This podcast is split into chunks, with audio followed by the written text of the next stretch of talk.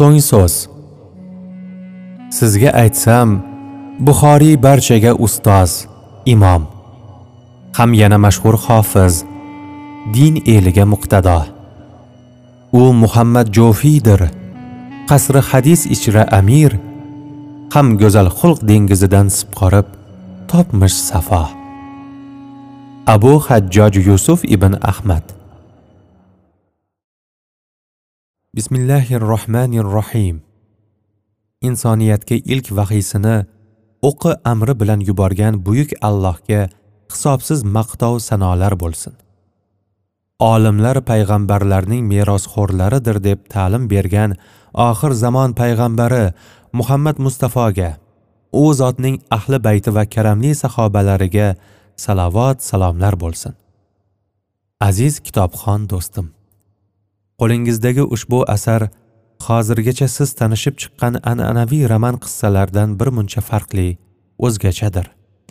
Bu kitob o'zidan oldingi va keyingi barcha insofli olimlar ahli tamizlar tafakkur sohiblarining boringki butun dunyo xalqlarining ehtiromi muhabbati va ixlosini qozona olgan buyuk bir shaxs haqidadir.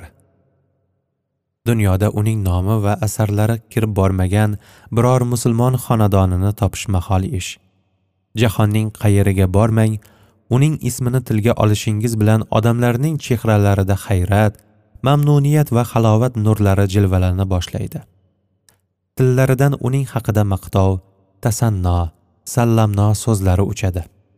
Chunki inda zikri solihina tanzilur rohma solihlar zikr qilinsa rahmat yog'iladi deyilgan. Aslida ulug' shaxslar haqida yozishning ular ta'rifiga munosib so'z topishning o'zi o'ta qiyin va og'ir vazifa sanaladi. Chunki buyuklarning alloh belgilagan qismati boshqalarnikiga o'xshamaydigan dolg'ali hayot yo'li ularning ulug'ligiga munosib ravishda o'ta murakkab mashaqqatli kechadi.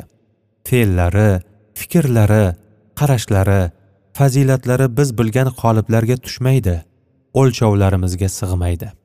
Ularning salohiyati aql zakovati va iqtidorini vasf etishga bashariy xislatlarini ochib berishga qalam ojizlik so'z tanqislik aql noqislik qilib qolaveradi.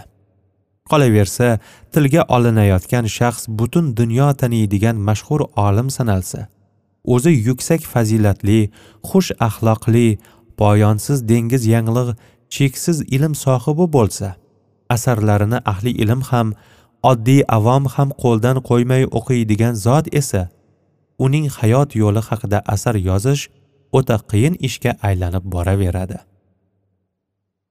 Kitobimiz bolaliklaridayoq qur'oni karimni to'la hifz qilib so'ng payg'ambar alayhissalomning hadislarini yodlashni boshlagan butun hayotlarini ana shu hadislarni to'plash tahqiq va tadqiq qilish ularni keyingi avlodga yetkazishga bag'ishlagan imom buxoriyning manoqiblari qasbi hollari ilmiy faoliyatlari va ilm yo'lidagi buyuk xizmatlari haqida hikoya qiladi. Bu zot payg'ambar alayhissalom hadislarining buyuk bilimdoni. Ularning tabibi va muhofazachisi bo'lib tarixga kirdilar. Hayotlari davomida 600 ming hadisni yod olib ular ichidan 200 ming sahihini aniqlab ajratib tasnif qildilar. Ana shu hadislardan tuzgan al jomius sahih sahihi buxoriy shoh asarlari dunyoda qur'oni karimdan keyingi ikkinchi manba sifatida qabul qilindi. Keyinchalik birgina shu asarlarga olimlar tomonidan yuzdan ortiq sharh va hoshiyalar bitildi. Ushbu asarni yozishga bundan ancha oldingi bir voqea turtki bo'lgan edi. 1992 yilning kech kuzida bir guruh musulmonlar umra qilish maqsadida avtomashinalarda makkai mukarramaga qarab yo'lga tushdik. Rejamizda samarqandning xartang qishlog'iga kirib imom buxoriy hazratlarining turbatlarini ziyorat qilish niyati ham bor edi. Holbuki ko'plarimiz imomning kimliklari va nima ishlar qilganlari haqida yetarli ma'lumotga ega ham emas edik. So'rab surishtirib maqbaralarini arang topdik. Qur'on tilovati qildik savobini u zotga bag'ishladik. Dilimiz taskin topib yo'lga tushdik.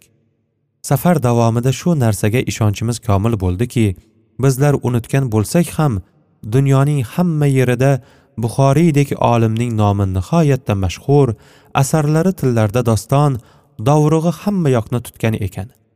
Eron turkiya suriya urdun iordaniya saudiya arabistonining turli shaharlaridagi odamlar qayerdan kelayotganimizni so'rashganida toshkent namangan degan shaharlar nomini aytsak birinchi bor eshitayotganday yelka qisishdi.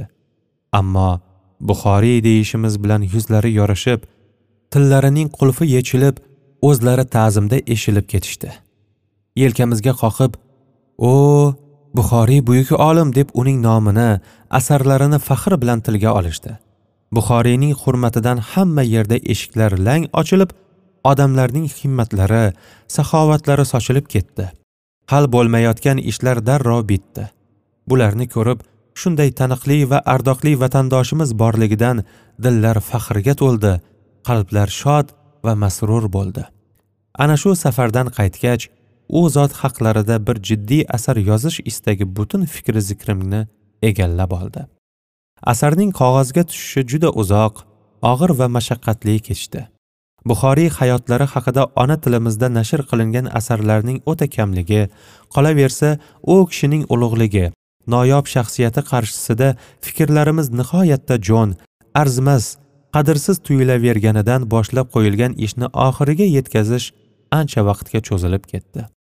Bundan besh yilcha muqaddam oltin silsila turkumining birinchisi bo'lmish imom buxoriyning sahihi buxoriy asarlarini o'zbek tiliga o'girish va tahrir qilish ishlariga ushbu satrlar sohibini ham taklif etishganidan so'ng ish jarayonida u zotga bog'liq juda ko'p ma'lumot dalillar bilan tanishgandan keyin imom buxoriy haqlarida asar yozish haqidagi azmu qarorimiz xiyla qat'iylashdi.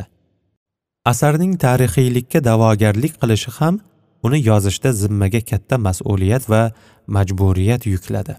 Badiiy asarlarda uchraydigan xayolga erk berish qahramonning obrazini ochishda turli badiiy to'qimalardan foydalanish bosh qahramonga xos bo'lmagan mubolag'ali sifat va fazilatlarni vasf etish kabi usullar ushbu asarning qadrini bir qadar pastlatgan bo'lar edi.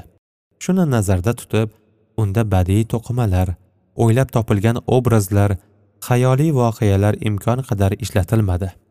Buxoriydek olimning haqqiga xiyonat qilmaslik uchun u zot haqlarida yozilgan faqat ishonchli va mo'tabar ilmiy manbalarga murojaat qilindi. U kishi bilan muxoliflari o'rtasidagi sun'iy ziddiyatlarni bayon etishda ham xolis turishga harakat qilindi. Ojiz bandaning ushbu sharafli vazifani qay darajada uddasidan chiqqaniga baho berish beixtiyor yo'l qo'ygan nuqson xatoliklarini afv etish noziktab o'quvchining hukmiga havola. Imom buxoriyning ilmiy jasoratlari va shuhratlari u kishining asarlari va hadis ilmiga qo'shgan buyuk hissalari haqidagi gaplarni bir ikki kitobda aytib tugatish qiyin. Yillar ketidan asrlar o'tadi zamonlar o'zgaradi shaharlar bunyod bo'ladi va halokatga yuz tutadi. Odamlar tug'iladi va vafot etadi. Ammo payg'ambarimiz muhammad alayhissalom hadislarining tabibi ulug' muhaddis olimlar peshvosi imom buxoriyning muborak nomlari qiyomatgacha musulmonlarning qalbi va xotirasida boqiy qolajak. Xalqimizda asl aynimas oltin zanglamas degan hikmatli so'z bor. Bu hikmatni imom buxoriy hazratlariga bemalol beishtiboh qiyoslasa bo'ladi. U zotning muborak nomlari buyuk ilmiy jasoratlari qoldirgan boy meroslari zamonlarning shiddatli po'rtanalariga havoyi nafs va hasadgo'ylik illatiga qul bo'lgan ayrim nobakor kimsalarning fitna tuhmatlariga qaramay yana bor bo'yi bilan avlodlar qarshisida namoyon bo'ldi. Bir vaqtlar qarovsizlikdan unut bo'lib xarobaga aylangan maqbaralari bugun dunyodagi millionlab musulmonlarning ziyoratgohiga aylandi. U zotning boy meroslarini ilmiy jihatdan o'rganishga kirishildi.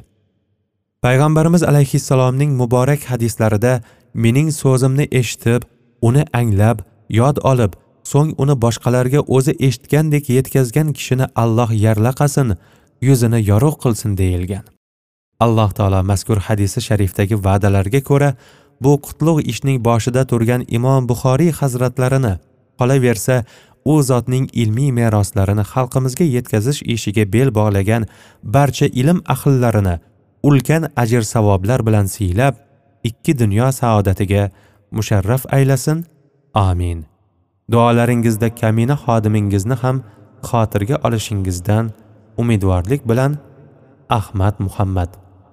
1437 yil rajab 2016 yil aprel.